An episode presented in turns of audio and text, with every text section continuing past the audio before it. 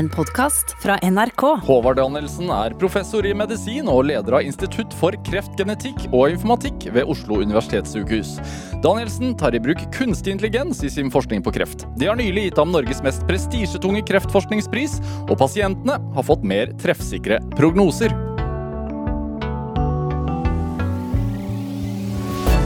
Dette er Drivkraft med Vegard Larsen i NRK P2. Håvard Danielsen, varmt velkommen til Drivkraft. Tusen takk. Hvordan har du det? Jeg har det veldig bra. Ja. B-menneske? Det er riktig. Så det er Litt tidlig nå? Nei. Nei dette, dette var godt innafor. Først og fremst, gratulerer med kong Olav den femtes kreftforskningspris. Tusen takk. Eh, hva slags pris er det egentlig? Du, det er en pris som, eh, som da kongehuset deler ut sammen med Kreftforeningen. Så ja. Det er altså en pris til den som har gjort seg fortjent til det det året innenfor kreftforskning. Og en ganske høythengende pris innenfor Ja. ditt felt. Det er det absolutt. Ja. Hva, Veldig stas å få. hvorfor det? Jo, fordi altså, det er noe med at alle, alle liker å bli sett og, og hørt, på en måte. Og det der var jo en bekreftelse på at eh, forskningsgruppa vår hadde blitt sett og hørt eh, på hjemmebane. og det var veldig hyggelig. At man har gjort noe rett? Ja, det har vi aldri vært i tvil om, men det er alltid hyggelig at folk ser det, ikke sant? Ja. Eh, Oppfatter det. Er det Det har det aldri vært noe tvil om. Er det når man er forsker og eh, forsker på noe sånt som eh, å- å stille bedre kreftprognoser Hvordan kan du være så sikker på at arbeidet skulle gi resultater? Altså hvor, hvor, hvor, hvor Kort fortalt, hva fikk, hva fikk du prisen for? Du, det Jeg fikk den vel for um, Hva var det det sto? At jeg var en pioner innen digital patologi. Ja, eh, hva, hva og betyr kunstig det? Intelligens. Nei, altså det Patologi er jo et mer enn 200 år gammelt fag hvor eh, patologene, altså legespesialisten som stiller diagnoser, Mm. sitter og ser på vevsprøver i et mikroskop. Sånn har det vært i 200 år. Eh, og nå blir jo alt rundt omkring digitalisert. Det skjer også med patologien, da, endelig. Mm. Men det var noe vi begynte med for 25 år siden. Så det betyr at bilder blir lagt inn i en datamaskin? Ja, De blir lagt inn i en datamaskin. Da kan de sendes rundt øh, Da kan du konsultere andre kollegaer. Du kan dokumentere det, du kan bruke det i opplæring osv. Men først og fremst så gir de jo mulighet for å bruke datamaskiner. da. Ja. Det vi kaller in silico-patologi. At, øh, at selve diagnosen skjer i datamaskin. er jo en av de tingene som åpner seg da. Ja. Hvor, hvor, hvor vanlig er det at uh, sykdom blir stilt av en datamaskin? Eller at man får hjelp? Det blir jo mer og mer vanlig, men det er jo ikke på noen måte vanlig enda. Eh, Den altså, tradisjonelle medisinen har jo ikke har jo ikke brukt datamaskiner på den måten, selv om datamaskiner har vært et helt avgjørende altså, Du kan ikke gjøre noe i et sykehus i dag uten datamaskiner. Men, men diagnosen blir jo i hovedsak stilt av eh, mennesker eh, som tolker resultater som kan komme fra en datamaskin. Så forskjellen nå er jo at uh, datamaskiner gjerne vil komme med diagnosen på egen hånd. Ja. og det, eh, det, ditt arbeid er jo å bruke kunstig intelligens. Uh, Fòre da disse datamaskinene med såpass mye informasjon som gjør at de forstår selv hvor i sykdomsbildet du er. Ja, Er det riktig? ja det var veldig, veldig riktig sagt. Ja. Kunne ikke sagt det bedre, jeg. Hvor kommer denne ideen fra? Nei, altså, ideen med Her er det mange ideer som på en måte kommer sammen, da, ikke sant, til, til noe. Um, dette med kunstig intelligens har jo vært der i holdt på å si, i hvert fall like lenge som meg. Eh, men um, Og det å bruke datamaskin, ikke sant, altså datamaskinens evne til å lagre og analysere data, eh, det er jo ja, hvem kom med den ideen, liksom? Det vet ikke jeg. Eh, så, men vår greie har jo vært å kombinere da eh, datamaskiner og genetikk, egentlig. Altså Det vi alltid har gjort på instituttet vårt, er at vi har brukt datamaskin som verktøy for å studere genetiske forandringer under kreftutvikling. Hvordan har man gjort det? Før? Hvordan man har gjort det før. Ja. Altså, eller du- altså, De fleste gjør jo dette også i dag uten, uten å bruke datamaskin som verktøy.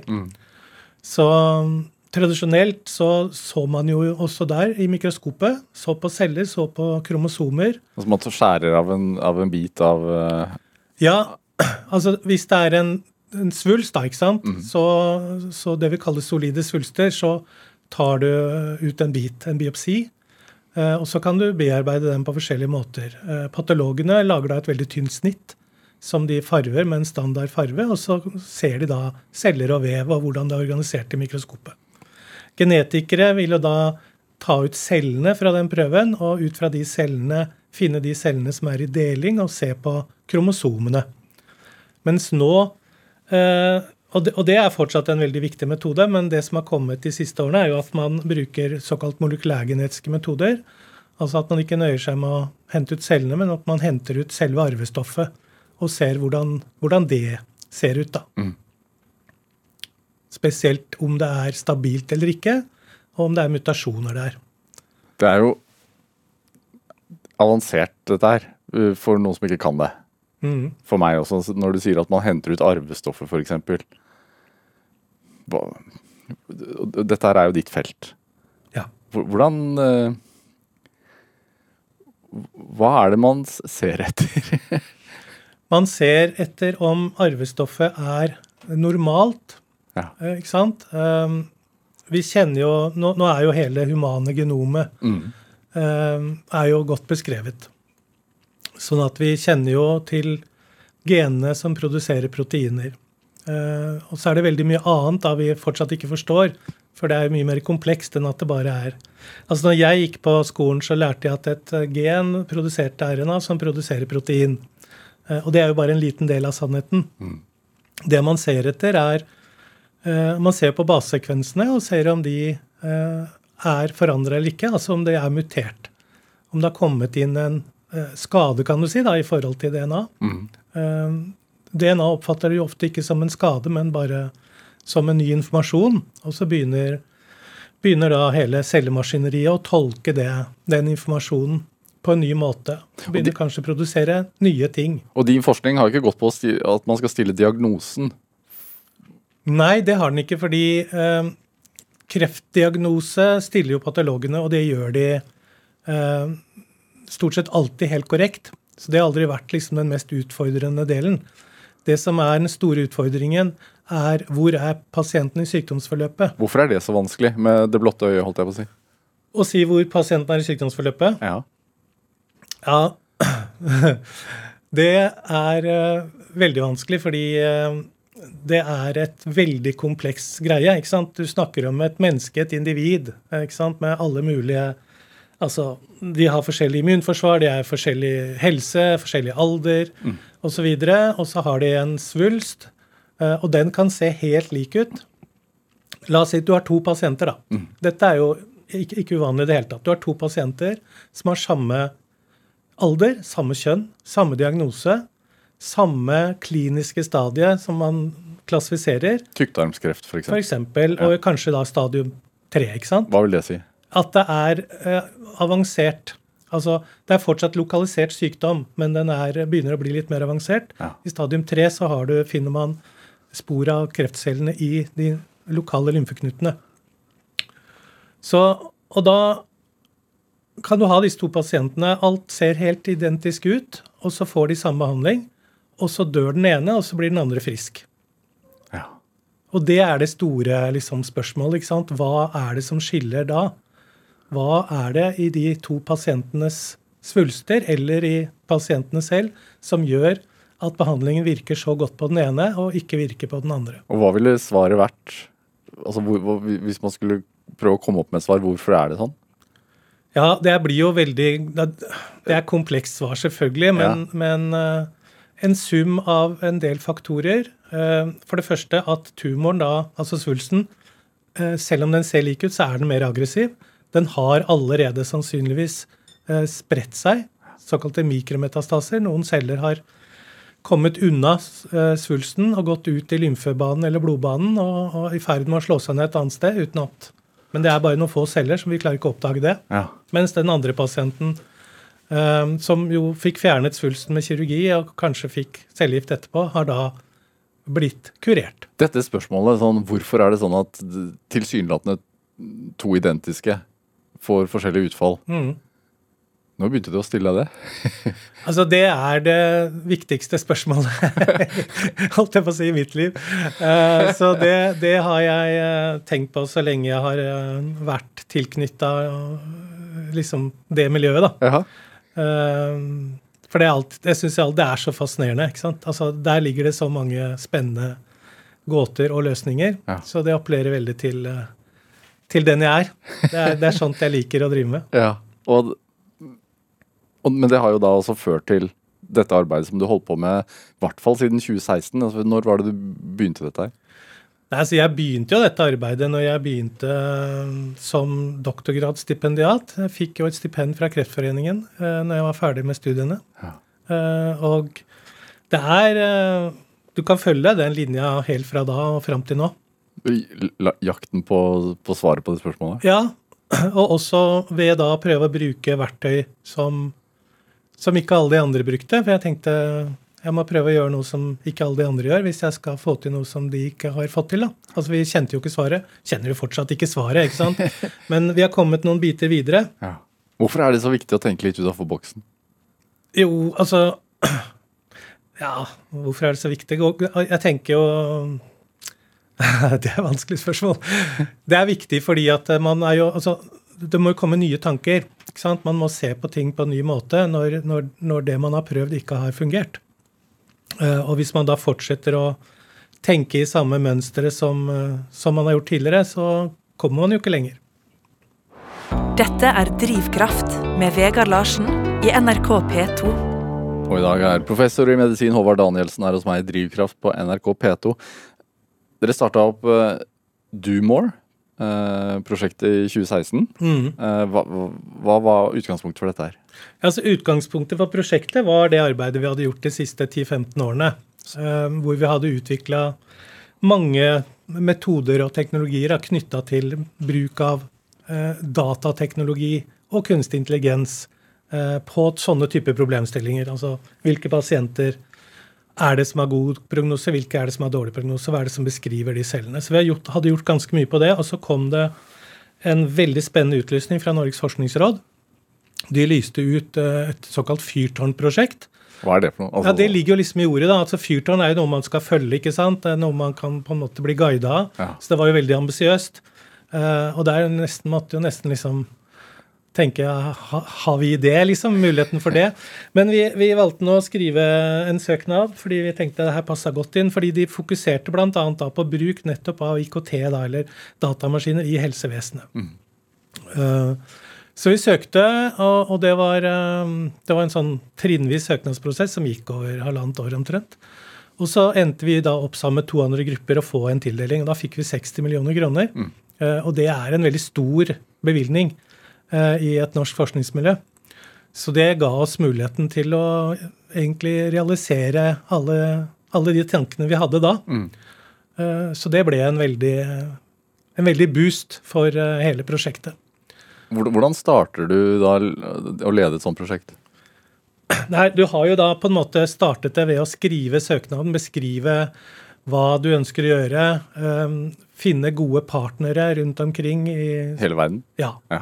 Det er helt avgjørende for å få et sånt prosjekt. Så må du ha et internasjonalt nettverk. Eh, Du må ha med deg de beste folka. Hadde du allerede føler ute da, eller? Ja, altså jeg hadde jo Det er jo noe Altså dette kom på en, et veldig bra tidspunkt for oss, da. For vi hadde jo da etablert veldig mange gode samarbeid. Ja. Eh, og, og jeg har jo også en stilling, jeg har et professorat på universitetet i Oxford, så jeg har et veldig godt nettverk i England og også andre europeiske land.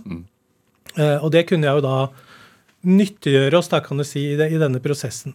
Uh, for alle syntes dette var spennende og gøy, og alle var med.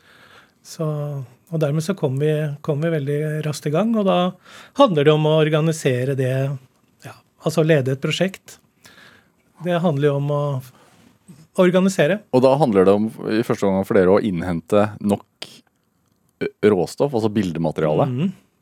Det er et veldig godt og viktig poeng. Eh, hvis du skal drive med det vi gjør, da, med, altså med kunstig intelligens, så må du ha store datamengder. Det er liksom der big data-konseptet kommer fra. Ja, Det er sånn datamaskinen lærer, rett og slett. Rett og slett. Eh, Så derfor så er, er man da avhengig av å ha dette nettverket. Ja. Og så er det veldig viktig når du skal lage en løsning som datamaskinen skal utvikle, da, så må du være sikker på at, eh, at det ikke blir biaser, altså at det ikke blir påvirket av ting det ikke skal bli påvirket av. Så hvis alt materialet f.eks. kom fra vårt sykehus, så ville ikke det sannsynligvis bli en metode som kunne brukes i, i ja, et annet land eller en annen lab, for den saks skyld. Fordi at det er annerledes arv og miljø bare i Nei, det er ikke så mye det, men det er det også. Men, men det er det at, um, at en datamaskin er jo vi, vi sier jo at det er kunstig intelligens, men i forhold til vår type intelligens så er den jo stokk dum. Han skjønner jo ikke, skjønner jo ikke forskjell på hva som er artefakter, altså hva som er informasjon som ikke har noe med saken å gjøre. Um, Man må lære, Først og fremst må datamaskinen lære å lese bildet. Den må lære å lese bildet, og det må den gjøre. Men? Den, den må lese så mange bilder som er så varierte fra så mange kilder at når han først lager en algoritme, så må den være anvendbar. Ja. Eh, bredt anvendbar. Derfor er det veldig viktig at eh, En ting er at du må ha mye data, selvfølgelig. Eh, og vi hadde jo i den første studien da, som vi publiserte i Lancet om dette, så hadde vi 4500 pasienter. eh, og eh, i, vi ga datamaskinen omtrent 12, millioner, 12 millioner bilder av kreftsvulster Ja. fra pasienter som hadde en helt entydig prognose. Altså, Vi gikk jo da tilbake i tid. ikke sant? Så vi visste hvordan det hadde gått med alle de pasientene, de 4500 pasientene, for de hadde blitt behandlet for fem eller ti år siden. Ja. Så det er et nøysommelig arbeid. Altså, da må man mate inn denne svulsten førte til det, denne svulsten førte sant? til det. Så det, alle pasientene må være veldig godt fulgt opp da klinisk. Ja. Og, og så godt fulgt opp blir du egentlig bare hvis du er i en eller annen trial, et, et eller annet forsøk for å gjøre et eller annet. Ja. Derfor så var vi avhengig av å få da datasett fra forskjellige kollegaer da i forskjellige institusjoner. Uten det så hadde jeg ikke hatt eh, mulighet. Nei. Og det var jo det som kanskje var Altså Det er den biten og det å, å lage et riktig eksperimentelt design som liksom er de to nøklene. For at vi, når vi, når vi starta, så kunne ikke vi egentlig så mye om dyplæring. Vi kunne mye om maskinlæring, men dyplæring er jo en metode som har kommet mer i bruk da i de siste årene. Var liksom akkurat mer eller mindre blitt tatt i bruk på ordentlig på den tida. Hva er det? Dyplæring er såkalte dype nevrale nett. Eh, Det er en form for kunstig intelligens som prøver å gjøre det som prøver å gjøre ting på samme måte som den menneskelige hjernen. Så det er bygd opp i mange hierarkiske nivåer. Altså, hvis du tenker deg ja, Når du var fire år, da, så lærte du å se forskjell på hund og katt. Forhåpentligvis før jeg var fire. Men nei, ja, men nå vil, vil jo ikke jeg ta fart i, da. Jeg kjenner deg ikke så godt. Men du lærte det, ikke sant? snakk for deg sjøl, Daniel. Ja, ja, ja. Men du lærte deg det og, det, og det var ingen som forklarte deg forskjellen. Ikke sant? Og det er ikke så lett heller hvis du skal begynne å definere forskjellen på en hund og en katt. Særlig til et barn, og særlig hvis det er basert på et bilde du ser. Ikke sant? Det som skjer da, er jo at eh, i hjernen så har vi mange, mange forskjellige celler som har mange forskjellige oppgaver. Så noen av de cellene, når du ser en hund, ser egentlig bare, noterer seg bare noen kanter eller noen former. Andre celler noterer seg annen informasjon. Og når du da til slutt har lært dette Du lærer det jo rett og slett ved at du ser en hund, og så sier du hund, og så sier foreldrene dine 'ja, flink gutt', ikke sant? Og så har du lært det. Og det er sånn vi lærer opp datamaskinen også. Eh, Og da er dette dyplæringsnettet er da bygd opp på samme måte.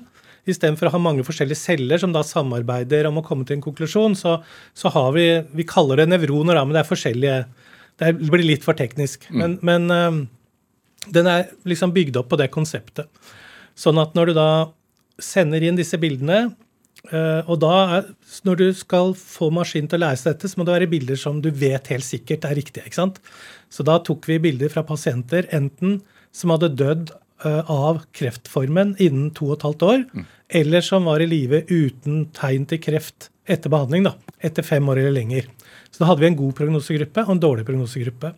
Og så tok vi da bilder av alle disse svulstene øh, og, og sendte de da inn i det nettverket som vi da hadde laget på forhånd, selvfølgelig. For det er jo Altså På instituttet så vi er jo omtrent 70 personer, og halvparten av dem er uh, utviklere eller programmerere. Så datamaskinen sitt øye, da, for å si det sånn, eller Mm. måte å lese disse bildene på, og siden den har blir matet med såpass store mengder, så gjør den at den kan sammenligne i mye større grad de det gikk dårlig for, og de det gikk bra for. Ja, Da leter den maskinen etter noe som i de bildene som er karakteristisk for den gode prognosegruppa, Mm. og forskjellig fra den dårlige prognosegruppa, f.eks. Som en patolog vanligvis ikke Som hadde en patolog ville ha, Patologen lærer det på samme måte ved å sitte sammen mer erfaren patolog som, som forteller at dette er sånn, dette er sånn. Ja. Så vi tar egentlig den vanlige humane læringsprosessen eh, og putter den inn i en datamaskin. Men de har ikke tilgang til 12 millioner bilder. Ikke i hvert fall i løpet av veldig kort tid. og har heller ikke evnen til å eh, Ja, altså du kan si, ikke sant, Når patologene når de, når de ser på disse prøvene og stiller diagnosene, så, så er det forskjeller som etter at de har trent lenge på det Altså de er jo utdanna leger, og så spesialiserer de seg fem år. Eh, ikke sant? Og så fortsetter de å trene og trene. Så det er ikke sånn at det er lært over natta, men når de har lært seg å se forskjellen, så ser de veldig fort forskjell på en normalt vev og vev fra kreftcelle. Ikke sant? Men det som ikke er så lett å se, eh, er hvor aggressiv er den kreftformen? Ikke sant? Hvordan kommer det til å gå med den pasienten? Det har man ikke noen gode metoder for for de fleste krefttyper. Noen få krefttyper har vi det for. Og, hvor, og hvordan påvirker dette pasienten? Altså det at man ikke kan, eller har eh, historisk sett hatt evne, eller muligheten til å stille tydelige nok prognoser, da. Nei, da, må jo, da har de jo ikke noen gode måter å velge behandling på. Og så da får jo alle pasientene den samme behandlingen. Uh, og det er jo ikke, det er ikke nødvendigvis galt, det, men i praksis vil det bety at mange pasienter får mer behandling enn de trenger. eh, og noen får kanskje litt for lite. Ja, og dette, og, Men, men altså, de fleste får riktig behandling, må ikke misforstå meg. Um, men, men det er Det blir en god del overbehandling og en god del underbehandling. Og det er jo det vi prøver å, å unngå. Eh, Og det er jo det veldig mye av medisin handler om i dag. Såkalt persontilpassa medisin på forskjellige måter. da. Noen bruker da som vi snakket om i stad, molekylærgenetiske metoder ikke sant, for å finne ut dette. Og vi bruker altså datamaskinmetoder. Når, det- når skjønte du at uh, dere var på vei mot målet? Altså, Det er vel det som er kanskje litt sånn skrudd med meg, da, at jeg tror jo at jeg er på riktig vei hele tiden. det er derfor jeg ikke stopper opp. Så, Men ikke sant det, Vi skjønte jo det fordi at vi, vi hadde jobbet i mange år med mer enklere former for kunstig intelligens og sett at vi klarte å stille en prognose som var like god eller bedre enn patologene på mange områder. Um, Men da var det vi som lærte opp datamaskinen. Da, da sa vi fra hva datamaskinen skulle se etter og måle og liksom holde styr på. Uh, mens med dyplæring så lærer jo datamaskinen selv som lærer seg opp. Mm. og det, det skjønte vi faktisk uh, veldig fort, fordi um, allerede det første eksperimentet vi gjorde, så fikk vi veldig gode, gode resultater. Hva vil det si? Sånn Nei, altså, Kort fortalt. vi, vi, vi hadde liksom noen hundre pasienter da, på den måten jeg har beskrevet, ikke sant? og da skilte datamaskinen de fra hverandre på, eh, med, med en større grad av uh, riktighet, eller altså enn enn, en, en, noe annen metode hadde gjort før. Så da skjønte vi jo at eh, det her kom jo til å virke. Og så tok det jo et par år da å få det til å, å bli stabilt og fint og fungere, og at vi hadde gjort det på så mye og gjort det om igjen og om igjen og validert det på mat nye materialer som kom fra andre land. mm. Hva er ståa nå? Nei, Ståa nå er at vi, vi, altså vi, vi var jo da så heldige at vi var de første som kunne publisere denne måten å bruke kunstig intelligens på i, i 2020. Hvorfor er det viktig? Å være først? Ja. Nei, altså det, det er det jo strengt tatt ikke, ikke sant? sånn i det store bildet. Men det er klart at når du Det blir jo litt sånn som at når du, så hvis du løper om kapp, så vil du gjerne komme først i mål. Det er jo ikke verre enn det. Og så er det noe med at når du kommer først, så får du, så får du um, akseptert arbeidet ditt i de aller beste tidsskriftene. Det betyr at eh, da er det veldig mange flere som leser dem, og ikke minst bruker dem på nytt. da, du nevnte- siterer det. Du nevnte Lancet, f.eks. Ja. Hvor viktig er det i forskningsmiljøet? Altså, sånn, er det Altså Det er veldig viktig fordi altså Husk på at det publiseres jo tusenvis av nye uh, vitenskapelige publikasjoner hver eneste dag. Mm -hmm. Det er jo ingen av oss som har sjanse til å lese det. Sånn at uh, hvordan, hvordan, skal du da forholde deg til denne enorme informasjonsmengden? En enkel metode er jo liksom å se på de beste tidsskriftene. Hva er det de publiserer? Det er en sånn enkel logikk. ikke sant? At er det bra nok, så kommer det dit. Uh, og, og klarer jeg å følge med på de aller beste tidsskriftene, så går jeg ikke glipp av så veldig mye. Eh, så, og det betyr også at eh, Og så er det noe av poenget. ikke sant? Når du driver med forskning så, og publiserer da resultater Hvis da ingen siterer deg og bruker det videre, mm. så har det jo ingen verdi. Da er det jo verdiløst. ikke sant? Så og Publiserer du da et, det vi kaller høyimpact-tidsskrift, altså tidsskrift som siteres av mange, så er jo sannsynligheten mye større for at det du gjør, faktisk blir brukt til noe. da. Hvor viktig er det å ha konkurranseinstinkt når man er forsker? Nei, Jeg tror ikke det er viktig. Jeg tror det bare er en dyn av nødvendighet. Nei. det, ikke, det, handler ikke så mye om konkurranse, fordi at um, det handler mye mer om samarbeid. ikke sant? Um, det er jo, jo mer komplekse ting vi jobber med? Jo, er, jo mer er vi avhengig av eh, folk med kunnskap som ikke vi har, ikke folk med utstyr som ikke vi har, eller materialer som ikke vi har. Mm. Så det handler, det handler om samarbeid først og fremst. Uh, handler ikke om konkurranse som sådan, men det blir en naturlig greie. fordi For det første så konkurrerer vi om penger. Mm. Vi sender alle inn søknader til Forskningsråd, Kreftforeningen og sånn, og så er det jo bare kanskje 7 eller 10% av de som sender inn søknader, som får penger. Og uten penger så kan du ikke ansette folk, og uten folk så kan du ikke egentlig drive med forskning. Så da blir det jo et konkurranseaspekt i det. Men, men det er jo ikke sånn at ja, nå vant jeg over han. Det er mer sånn at at du gleder deg over alle som får penger, da. Ja. Har, du, har du konkurranseinstinkt? Ja, det har jeg. det, det, ja, ja. Men hva er ståa i forhold til eh, pasientens nytteverdi av dette her? Nå er det sånn at eh, vi har laga en metode som sier noe mer korrekt om prognose enn noen annen metode. Så nå er det om å gjøre å få dette ut til sykehusene, sånn at det kommer i praktisk bruk. Foreløpig, Det er jo foreløpig litt sånn i tidlig fase, mm. så det blir brukt på pasienter her og i England og sånn, men vi må nå få det i system. Og den eneste måten å gjøre det på, er å rett og slett kommersialisere det. Sånn at det blir et produkt som sykehusene kan kjøpe. Mm.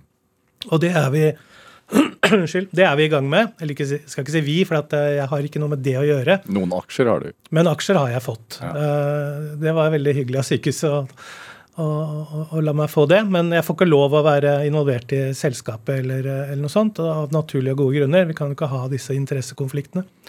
Men det er et selskap da som har navnet etter Dumor-prosjektet, og som nå jobber hardt for å, for å få dette ut på det internasjonale markedet. Men hvorfor, altså når man kan vise til at det er gode resultater og en større treffsikkerhet hva gjelder prognose, hvorfor er det ikke sånn at man bare at det bare blir brukt? Fordi det er mange eh, Gjennom historien så er det veldig mange som har publisert veldig gode resultater som har vist seg å ikke holde mål fordi det ikke har vært ja, det har vært feil eller mangler, det har ikke blitt prøvd godt nok. Eh, og så er det sånn at én ting er å studere pasienter sånn historisk. Mm. En annen ting er å, å, ta metoden i bruk på de nye pasientene. Altså Det er forskjellen på det vi kaller retrospektive og prospektive studier. Og det er jo først når du har tatt i bruk på nye pasienter og ser resultatene der, at du kan være helt sikker på at dette virker så godt som det ser ut til å virke. Ja, Så det er en sikkerhetsventil på en måte? Det er en sikkerhetsventil. Ja, Man må alltid være kritisk til eh, gode resultater også. Heldigvis og, og, også litt synd, kanskje, noen ganger. Um, Håvard Danielsen, vi skal spille litt musikk.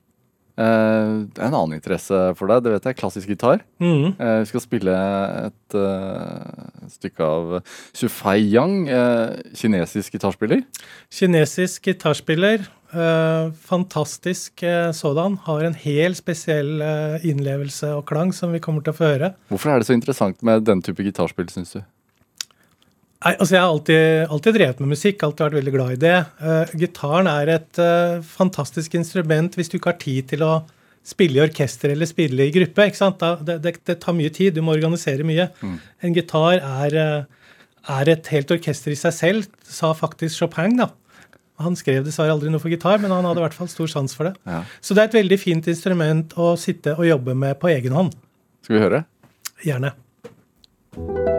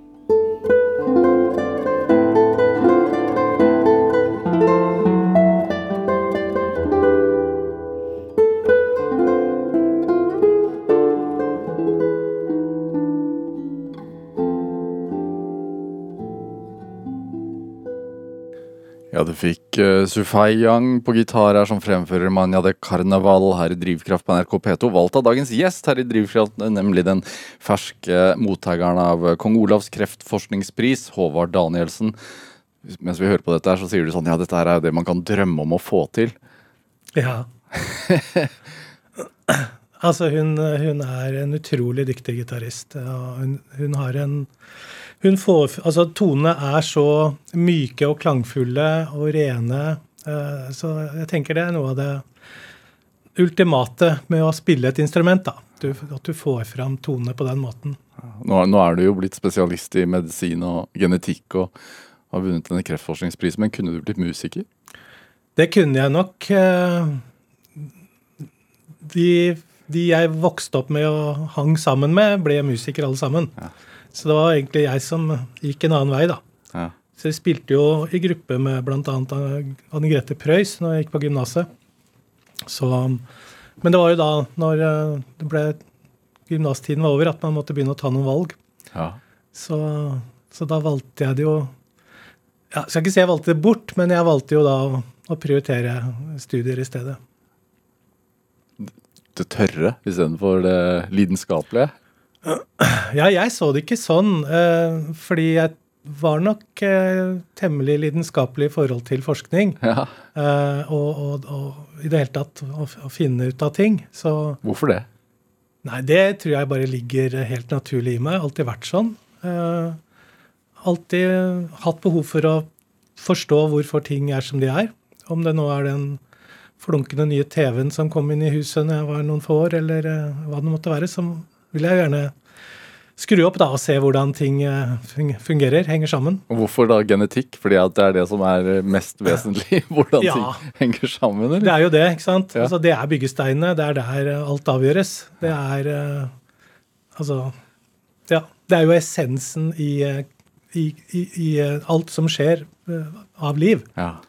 Så hvis du skal begynne å nøste i noe, så er det jo greit å begynne der, da. Men du er fra eh, er, er fra Oslo? Ja. Ja. Men du er ikke født der? Jo, jeg Er er født i Oslo. Du er født i Oslo. Mm. Men er det en kunstinteressert familie? For jeg vet jo sånn som at eh, sønnene dine er ballettdansere og koreografer og har gått den veien. Og Mm. du kunne også gått musikerkarrieren. Altså, hva slags hjem er du fra? Du, jeg er fra et veldig eh, godt hjem, men som ikke er preget av noen av de tingene, egentlig. så uh, Nei, så min far var, eh, var vel altså, i, i bunnen da kokk. eh, restauratør, drev restaurant eh, sammen med mor, da. Og ganske dyktig kokk. Han vant faktisk eh, gullmedaljer eh, internasjonalt. eh. Det var, dette var før Bocuse d'Or, så da var det en sånn eh, eh, kokkeolympiade i Frankfurt. Som han tok gull da i 64 og 68 og 72, tror jeg det var. Ja. Så ja, han var, han var drivende dyktig på å lage mat. Han drev kjøkken på Metropol restaurant i Oslo. Ja, det var det siste han gjorde da, før han gikk over til å undervise. Å ja, undervist i matlæring. Ja, Ja. ut, underviste i, i mat og vinlære eller sånn. ja. Lærte opp kokker og servitører og, i, i, å lage mat og, og forstå vin. Ja. Og de jobb, de jobbet sammen på kjøkkenet også, moren og faren din. Ja, de jobbet sammen hele livet, så, så det var egentlig Hva lærte de deg? Ja, det, å, de lærte meg veldig mye. Eh, nå er de jo døde begge to, men det går liksom ikke en dag uten at eh, de smeller inn i huet mitt med et eller annet eh, positivt. Noe som jeg har lært. Som for eksempel? Nei, det går jo på sånne grunnleggende verdier, ikke sant? Altså rettferdighet, ærlighet. Sånne ting var veldig, veldig viktig for mor og far. Det var liksom Kunne slippe unna med mye, men ikke, ikke ting som gikk på, på sånt. Og så var det Ja, de var opptatt av, av at man gjorde det man kunne ut fra de evnene man hadde. Altså, Jeg kom jo hjem med karakterkortet som alle andre to ganger i året, og hadde jo eh, rimelig gode karakterer. Men jeg var litt pratete og litt rotete, så jeg fikk alltid litt dårligere karakterer i orden oppførsel, og det var det eneste som var fokus hjemme da. For da fikk jeg beskjed om nei, de andre karakterene det er, du er bare heldig som er født med de evnene, så det får du ikke noe, får du ikke noe for. Men orden oppførsel, det må du ta ansvaret for. Så du- var liksom, Du som er opptatt av genetikk, er det sant? Er, er man heldig som er født med de egenskapene? Ja, Det er jo en stor diskusjon da med, med arv og miljø og alt det der, men det er klart at folk er, er født forskjellig. Så, øh, og jeg tenker jo at evner er veldig bredt fordelt. ikke sant? Så noen er gode på det, og noen er gode på det. Og det er vel det som gjør det hele så spennende. Eh, eh, og noen er vel da har lettere for å lære.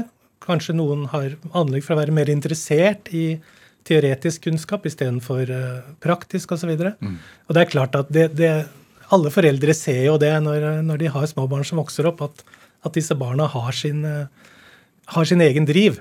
I tillegg til det man påvirker dem, selvfølgelig. Hva, hva var din driv da, tidlig? Nei, det, det er vanskelige spørsmål, da. Altså, Min driv var vel i hvert fall relatert til det grunnen til at vi sitter her nå, var at jeg har alltid vært veldig nysgjerrig. Jeg har alltid likt, altså Det har alltid vært en drivkraft for meg. Jeg har hatt et stort behov for å finne ut av hvorfor ting er som de er, og hvordan ting fungerer. og, og også har veldig sånn lett for å prøve å tenke fins det en bedre løsning på det her. Altså Hvis jeg støvsuger gulvet, så tenker jeg det må jo gå an å gjøre dette på en smartere måte. Sånn, eh, sånn er jeg satt sammen, da. Ja, hva, Har du robot? Ja. Eller, jeg har det ikke hjemme, eh, for det, det fungerer faktisk ikke så godt. Men jeg har det på kontoret. Ja, hva heter den? Nei, den heter ikke noe. Jo. Nei, det gjør, det gjør den faktisk ikke. Jeg har også, men den beste roboten vi har, er jo den som klipper plen. Ja. Den heter heller ikke noe. Alle spør om det. Jeg har aldri falt meg inn engang. Jo, men det er ikke det, det første man må gjøre når man installerer det der? da, Gi de et navn? Nei da. Du må bare gi dem en kode. Ja. Så Og så vet jeg at du eh, er opptatt av vin, at du nærmest er i ferd med å ta en sommelierutdannelse på si. ja, Ja. om, om hva, hva- hvor det ender hen, det får vi jo se, da. Men uh, det er eldste sønnen min og, og, og jeg da, som har eh, prøvd å sette liksom vininteressen vår litt mer i system. Så vi har tatt noen kurser og, og sikter oss inn på en sånn eksamen, da, som eh, eh, Ikke fordi at det er så viktig ha eksamen, men mer fordi at vi har litt lyst til å etter hvert da, bli testa på, på de kunnskapene vi håper og tror at vi har tilegna oss. Hvor viktig er det å sette seg mål? Det tror jeg er helt avgjørende. Altså Uten mål så kommer du ingen vei.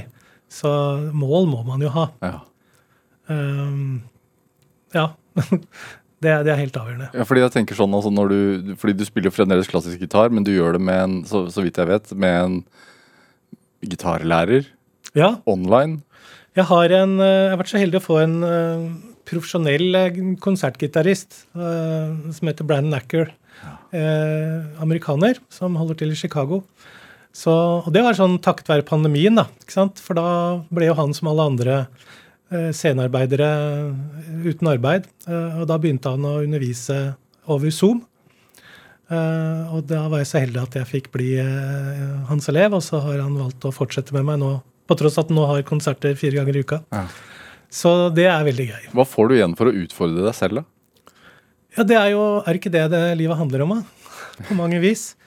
Eh, ja, men det er, jo, det er jo sånn man kommer seg videre. Sånn man eh, lærer mer. Det er sånn man kommer liksom videre mot de målene man har satt seg. da. Ja. Og så er det veldig Altså, det blir forferdelig kjedelig hvis man ikke gjør det, tenker jeg.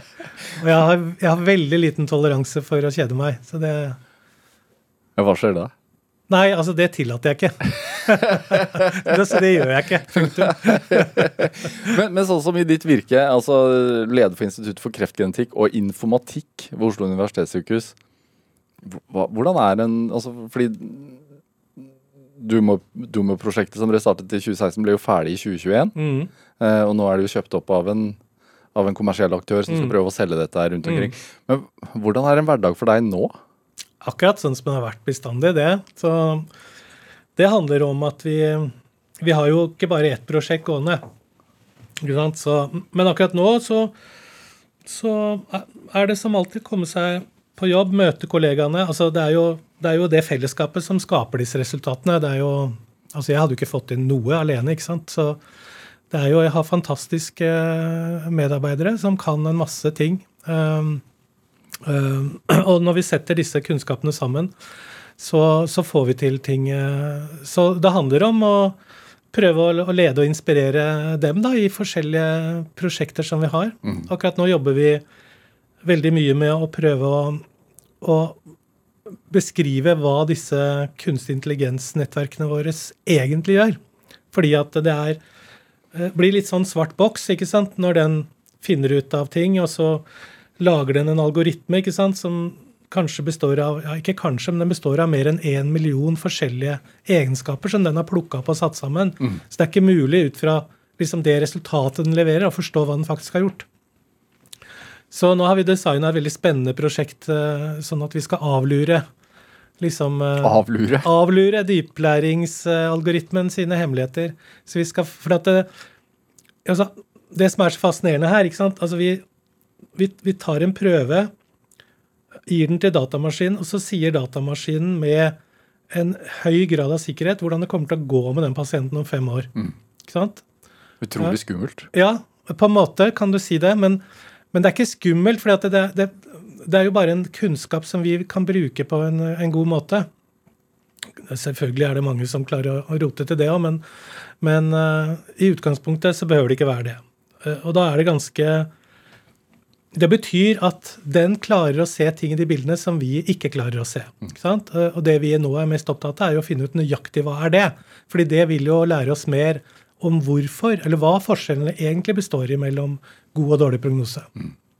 Så det er jo egentlig enda mer spennende enn det vi har gjort tidligere. Hvor fort, altså, mens du har holdt på med dette her, hvor, hvordan har akselerasjonen vært på teknologi i, i, altså som, som møter prakt, praktisk eh, brukervennlighet? Ja, altså den har vi, For det første så har vi vært helt avhengig av den.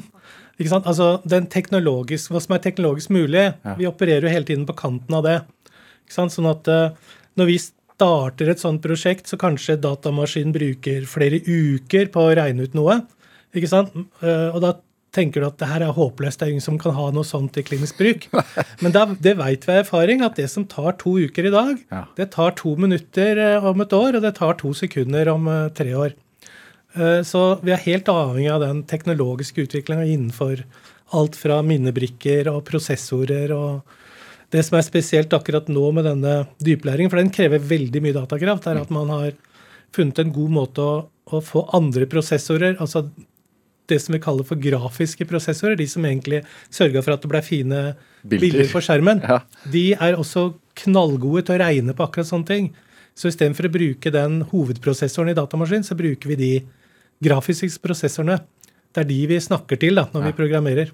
Hvordan, men hvis man tenker at akselerasjonen har øh, økt øh, drastisk de senere årene, hvor, hvis du skal spå, hvor, hvordan vil du se for deg bruken av dette her i diagnosering og, og, og sette prognoser i fremtiden?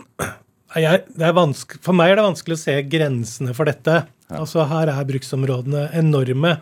Så jeg tenker at uh, innafor helse så vil det nok få en vesentlig betydning på alt som ikke på en måte krever varme hender og omsorg. ikke sant?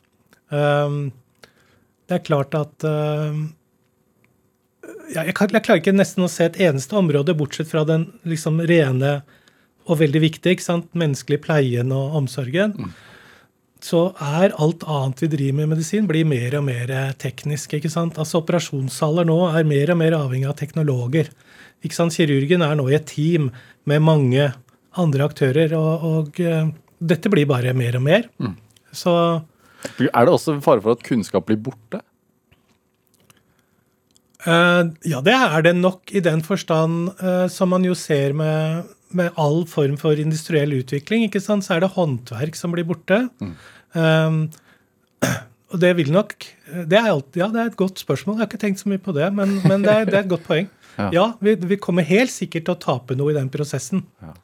Hvis ikke vi er veldig flinke da, og passer på å ta vare på det. Ja, for Jeg så bare i dag at det var noe datanettverk på Helse Sør-Øst eller et eller annet som var nede. Helse Nord. Helse Nord som var nede. Ja. Um, Og det er klart, det, det, det viser jo avhengigheten vår. ikke sant? Og det er jo datanettverkene først og fremst som håndterer alle pasientjournalene.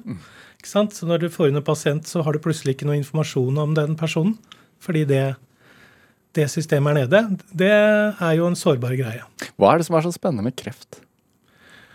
Ja, altså For det første så er det jo en veldig alvorlig sykdom som berører eh, alle. ikke sant? Altså hver tredje får kreft, hver fjerde dør av det. Det betyr at alle familier eh, har det, eh, ikke sant? På en eller annen måte. Så det er jo en av våre store utfordringer. Samtidig så er det det er noe paradoksalt med det. fordi det er jo sånn at lever du lenge nok, så får du kreft. Altså, så det er noe med at det er en eller annen naturlighet i det også. Eh, det er sikkert mange som syns det er rart å, å høre meg si det. Spesielt hvis du er en kreftpasient, så, så opplever du det definitivt ikke sånn. Men når du studerer hvordan cellene eh, utvikler seg, da, eh, så er det nok mye som tyder på at dette er en sånn naturlig eh, Naturlig sånn eh, En av mange sånne stoppsignal da, som, som kroppen har. Eh, og det er jo ikke bare vi. ikke sant? Altså, kreft finner du jo i alle arter, om det nå er trær eller dyr eller hva det er. Så, så det er en veldig fascinerende greie. Og så er det jo det at vi har forstått at det handler om endringer i arvestoffet. Eh, eller hvordan arvestoffet blir eh, brukt. Mm. Altså organiseringen av det, eller direkte mutasjoner, altså endringer i, i koden som programmerer hva cellene skal bli til å gjøre. Eh, så da er det jo veldig ja, For meg er det veldig fascinerende. Og at det så lett, holdt jeg på å si, også påvirkes av av ting man eh, putter i kroppen eller blir utsatt for. sant? Av kjemikalier. Ja. Hvorfor er det sånn? Hvorfor er det sånn at, at hvis man holder på med asbest f.eks., så kan det føre til Nå tok du et veldig vanskelig eksempel, da, for det er en av de det, det, det er jo Asbest er i ut, utgangspunktet et sånt inert stoff, så der, der går det nok Der er det mer teorier på at det går på at man irriterer cellene, men Røyking, for ja, eksempel. Da. takk. Det er mye enklere. Inneholder eh, kjemikalier, mutagener som vi kaller det, altså kjemikalier som har evnen til å reagere og forandre med, kje- med kjemikalier som er i arvestoffet. ikke sant? Alt er jo bygd opp av, av kjemikalier. Eh, sånn at eh, de, de virker direkte inn på arvestoffet, endrer eh, koden, sånn at eh, og, og hvis da cellen ikke oppfatter at dette er en skade, men snarere at eh, ok, det er en endring i informasjon, og så begynner da gen å produsere noe annet enn de opprinnelig skulle gjøre, og så skaper dette en ustabilitet, og så kommer det flere endringer, og så har du det gående. Er det, hvor, hvor måteholden er du selv? Altså, for Man leser jo stadig Det kommer jo hele tiden altså, Rødt kjøtt kan forårsake kreft. Røyking, for mye vin. altså det er sånn Nei, jeg, jeg er ikke måteholden i det hele tatt. så, så gjør som jeg sier, ikke som jeg gjør. Men hvorfor ikke? Er det, er det, hva er grunnen til det? Nei, altså det, det går vel på at livet består av mange ting. Eh, For meg så handler det om å, eh, å nyte også. Ikke sant? Altså jeg eh, altså, min, min filosofi på det området er veldig enkel. Altså alt med måtehold, Ja. tenker jeg. Ikke sant? Altså Ja, altså alkohol har en For eksempel, det er en sammenheng mellom alkohol og kreftutvikling. Det er en sammenheng, veldig nær sammenheng med, med tobakk og kreftutvikling. Uh, men så eh, enkelte ting skal man uh, avstå fra, men altså den risikoen som, uh, som man må leve med Altså, jeg tenker at jeg er villig til å leve med en del av de risikoene fordi det gir meg såpass mye glede i livet. Så jeg ville ikke ha noe jeg ville ikke hatt noe godt liv hvis jeg skulle leve som en asket og, og bare gjøre de sunne og rette tingene. Jeg er veldig glad i god mat, og god mat er ofte ikke ensbetydende med sunn mat. Jeg er veldig glad i vin, eh, med måtehold selvfølgelig, og eh, ja. Når er, det, når er det forskningen må vike for en vingård i Frankrike, da? Ja, det har vært en drøm, da. det har vært en drøm, men eh, det er vanskelig å, vanskelig å se hvordan det skal skje i praksis. Um, du vet, som, som forsker så eh, jeg blir jo aldri, kommer aldri til å bli utslitt av jobben. ikke sant? Det er ikke, er ikke sånn som mange andre, ikke sant? som rett og slett blir slitt ut av å stå i jobben. Nei, og du kommer vel heller aldri i mål som forsker? Nei, det gjør du heller ikke. Du blir aldri ferdig. ikke sant? Så på et eller annet tidspunkt så er det jo noen som dytter meg ut, da. Uh, for at jeg kanskje er blitt dement eller et eller annet. Nei da. Men uh, det er nok uh, jeg, jeg trives veldig godt. Eh, jeg har det jo som Altså, jeg gjør akkurat det jeg har mest lyst til å gjøre, og jeg har masse folk rundt meg som, eh, som hjelper meg med det, og, som, og jeg hjelper dem med det. Eh, Så jeg ser ikke noe Jeg ser ikke den praktiske måten å få til den vingården på. Det er det som er problemet. Er det Al- Altså, når denne da, forskningen eh, eh, som dere har utviklet på Doomore, eh, eller med Doomore-prosjektet, når det blir satt i bruk, og man får stilt eh, mer treffsikre prognoser, og, som gjør at man kanskje eh, ikke trenger å hva skal man si, overbehandle, da. Hvilken følelse gir det, gir det deg? Altså, det er jo det er et skikkelig kick, eh, for å si det på den måten. Altså, vi har jo, vi har utvikla ting før som nå er i klinisk bruk. Så vi har jo hatt gleden av å se effekten av forskninga vår eh, i mange år. Um, og, det, og det å se at du kan gjøre en forskjell for folk, og særlig da folk som er i kanskje den mest sårbare situasjonen sin i livet, det er, det er veldig, en veldig takknemlig oppgave. Så, så for eksempel altså, prostatakreft, for eksempel, som har blitt operert mye, som man kanskje ikke trenger å operere. Ja, det, men jeg kan gi deg et annet eksempel uh, som er veldig sånn innlysende. Uh, vi hadde en, en overlege på, på Gyn-avdelingen på Radiumhospitalet som het Klaus Tropé. Han kom til meg og så sa han at uh, vi har en del pasienter med sånn grensetilfelle. De er unge, de vil ha barn. Jeg vil gjerne at de skal få barn, men jeg må vite hvem som har god og dårlig prognose. Kan du, og jeg trenger en bedre metode. Og den lagde vi. Og, og han, han hadde veggen sin fulle av bilder av barn som var født. Eh, som ikke hadde blitt født hvis ikke han hadde hjulpet dem og jeg hadde fått lov å bidra til at han kunne si fra hvem som kunne ta sjansen for å få barn. Det er helt fantastisk. Ja, det er veldig Håvard Danielsen, helt, helt til slutt her, veldig kort. Hva er drivkraften din? Nei, Drivkraften min er å ja, det, det, er flere ting, men, men altså, jeg jobber på et sykehus omgitt av pasienter, så drivkraften er å hjelpe de. Og samtidig så er det en sånn indre drivkraft at jeg er forbanna nysgjerrig og, og, og, og, må følge på en måte det. Håvard Danielsen, tusen takk for at du kom hit til Drivkraft. Tusen takk skal du ha. Hør flere samtaler i Drivkraft på nrk.no eller i appen NRK Radio. Vi hører veldig gjerne fra deg også, hvis du sender oss en e-post med, med, tips til folk som du mener har drivkraft. Send den eh, e-posten til drivkraft.krøllalfa.nrk.no. Ellen Foss Sørensen var produsent i dag, og Linn Bølstad bidro med research til denne sendingen. Dette var Drivkraft. Jeg heter Vegard Larsen. Vi høres. En podkast fra NRK. Her faller sakte, dråpe for dråpe, en dyrebar væske. Tungt vann. Under andre verdenskrig blir produksjonen av norsk tungtvann brått veldig viktig. Det er noe Nazi-Tyskland trenger for å kunne utvikle atomvåpen. Ich brauche 5000 kilo! De allierte, med britene i spissen, blir så redde at de vil ødelegge tungtvannsanlegget på Rjukan.